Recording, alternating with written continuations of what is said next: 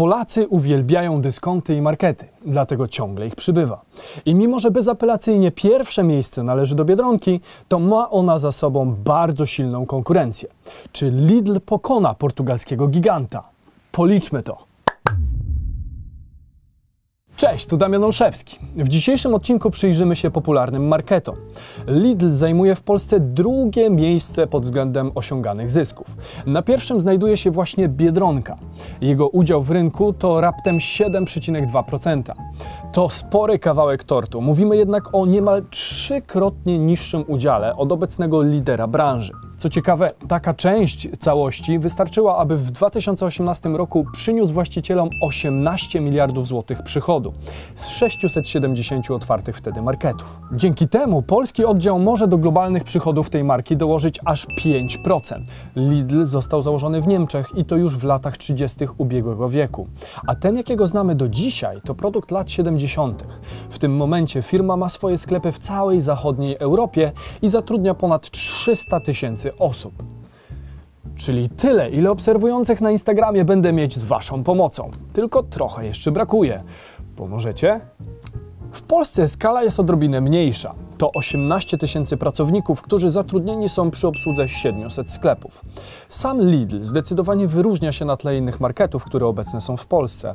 Przede wszystkim wystrojem i stylem sklepów, które wyglądają dużo nowocześniej i schludniej od konkurencji. Do tego w swoim modelu działań kładą duży nacisk na produkty typu premium.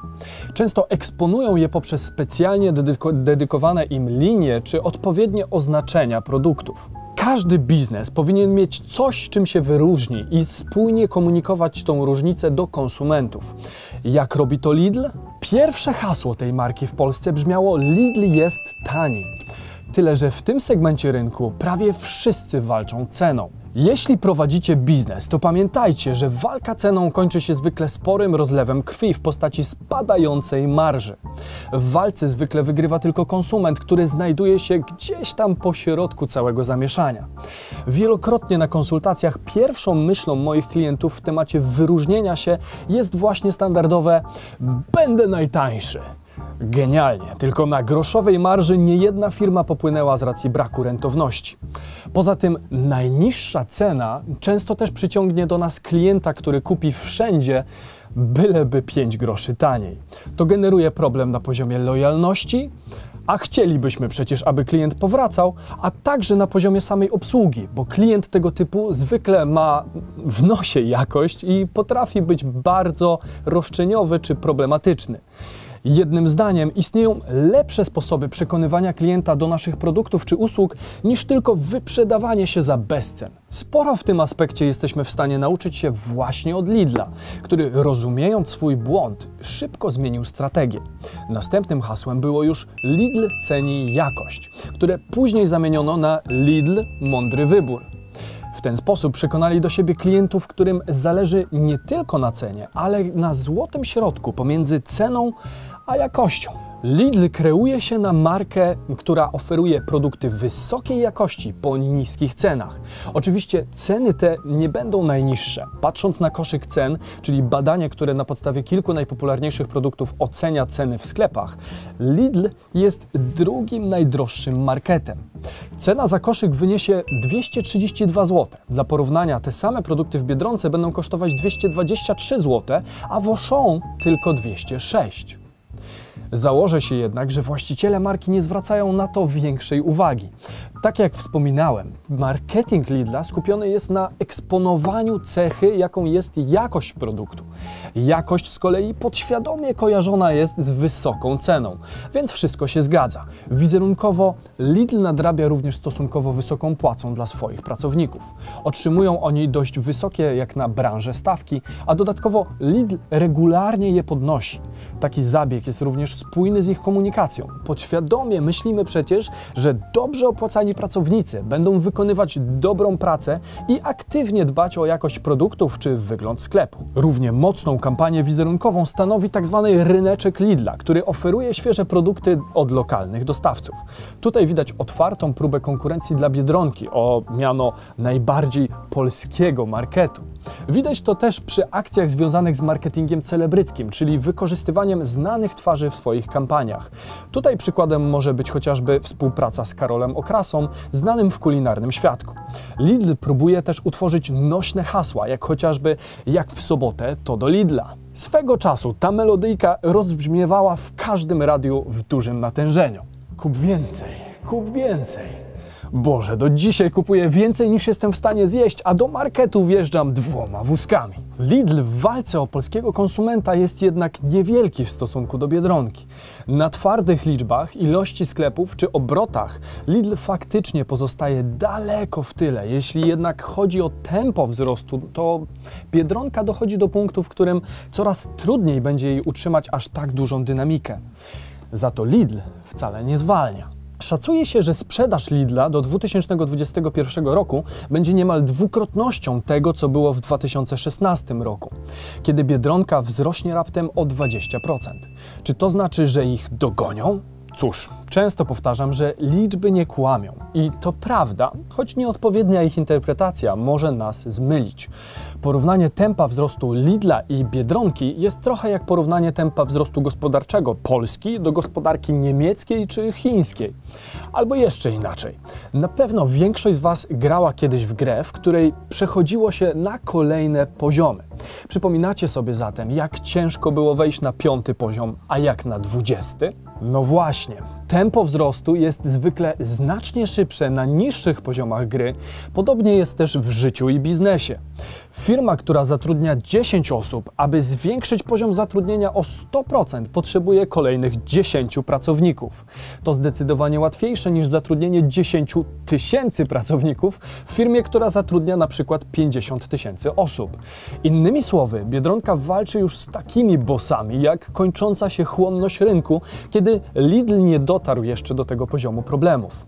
Choć niewątpliwie odnosi sukces, czerpiąc siłę z innych źródeł niż większość swojej konkurencji. Przede wszystkim ich produkty są kierowane do kompletnie innego klienta.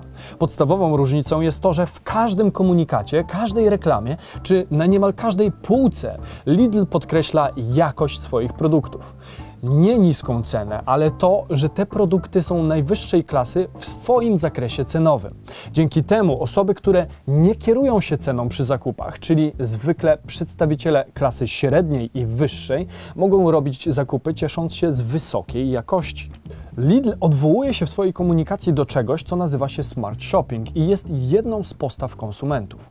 Polega ona na tym, że kierujemy się nie tylko ceną, ale stosunkiem jej do jakości, a czasami nawet po prostu samą jakością. Jest to postawa racjonalna, bo kto nie uważa, że dopłacenie tych kilku złotych nie jest warte dużo wyższej jakości? Lidl kreowany jest również na tak zwaną świadomą markę. Świadczą o tym wcześniej wspomniane wyższe pensje pracowników, dbanie o lokalność dostawców, o ekologię czy też koncepcję sklepu przyszłości. Kiedy Biedronka buduje wizerunek marki taniej i polskiej, to Lidl próbuje stworzyć coś więcej, co trafi do szerszych potrzeb niż tylko zapełnienie lodówki jak najniższym kosztem. Walczą ze szkodliwymi dla środowiska opakowaniami poprzez usuwanie ich ze swojej oferty i zastąpienie ich takimi, które są biodegradowalne. Przeciwdziałają również marnowaniu żywności, chociażby poprzez sprzedawanie produktów o krótkiej dacie przydatności w niższych cenach. Takie zabiegi oczywiście pomagają marketowi w sprzedaży produktów, ale też przyciągają do siebie nowych klientów zachęconych niewielkimi cenami. Dodatkowo ekologia to też pewna oszczędność. Panele słoneczne na niektórych sklepach pozwalają choć trochę zmniejszyć zużycie prądu. Duże ilości okien zmniejszają potrzebę na światło, a odpowiednio izolujące lodówki również zmniejszają pobór energii.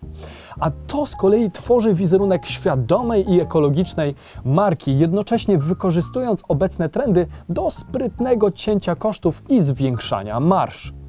Konsumenci bardzo lubią marki, które są świadome swojej ekologicznej roli, czy też postulują handel fair trade. Są nawet w stanie przeznaczyć na ten cel 30% więcej niż przeznaczaliby na produkt bez takich oznaczeń.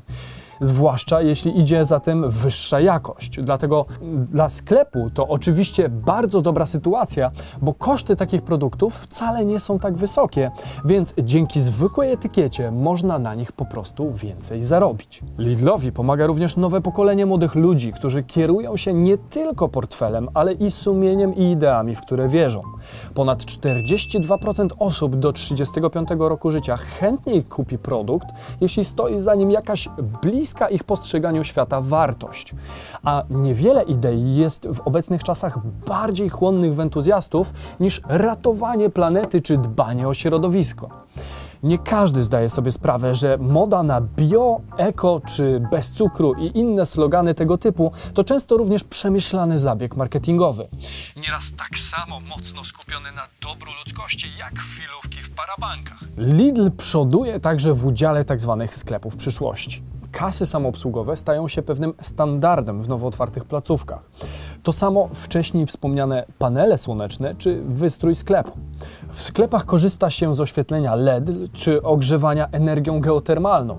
Przy zakupach pomoże nam aplikacja, która jest stale rozwijana, a jeśli posiadamy samochód elektryczny, to możemy go podczas zakupów naładować. Kolejne wynalazki są już podobno w drodze. Co ciekawe, teraz Lidl rozwija się dynamiczniej, ale jakiś czas temu wcale tak nie było. W ostatnich latach podniesiony został zarzut, jakoby sieć marketów korzystała z nielegalnej pomocy publicznej, zakazanej przez Unię Europejską w celu rozwinięcia się w Europie Wschodniej. Mowa tu o bardzo preferencyjnym kredycie na kwotę nawet 900 milionów dolarów, który podobno został przyznany im przez Bank Światowy. Mimo zgłoszenia tej sprawy nie została ona jednak uznana za zasadną przez Łokik i po jakimś czasie zainteresowanie nią zmalało. Jakby to powiedzieć, często tak bywa we wszystkich sprawach dotyczących olbrzymich kwot. Lidl ma bardzo mocną pozycję w Europie i w Polsce. Do pozycji lidera na rynku brakuje mu dość sporo, jednak dystans ten będzie się zmniejszał z każdym kwartałem. Jeżeli natomiast tempo wzrostu nie zmaleje, a włodarze sklepów poradzą sobie lepiej z problemami biedronki, to kto wie, Zachęcam do obserwowania tej potyczki podczas codziennych zakupów. Tak samo jak zachęcam do obserwowania mojego kanału tutaj oraz słuchania podcastu tutaj. W sumie to jestem bardzo ciekawy Waszego zdania. Kto wygra tą batalię? Lidl czy Biedronka? A może kiedy dwóch się bije, to wyłoni się nam trzeci gracz? Odpowiedzcie koniecznie w komentarzach. Tymczasem do zobaczenia w środę. Cześć!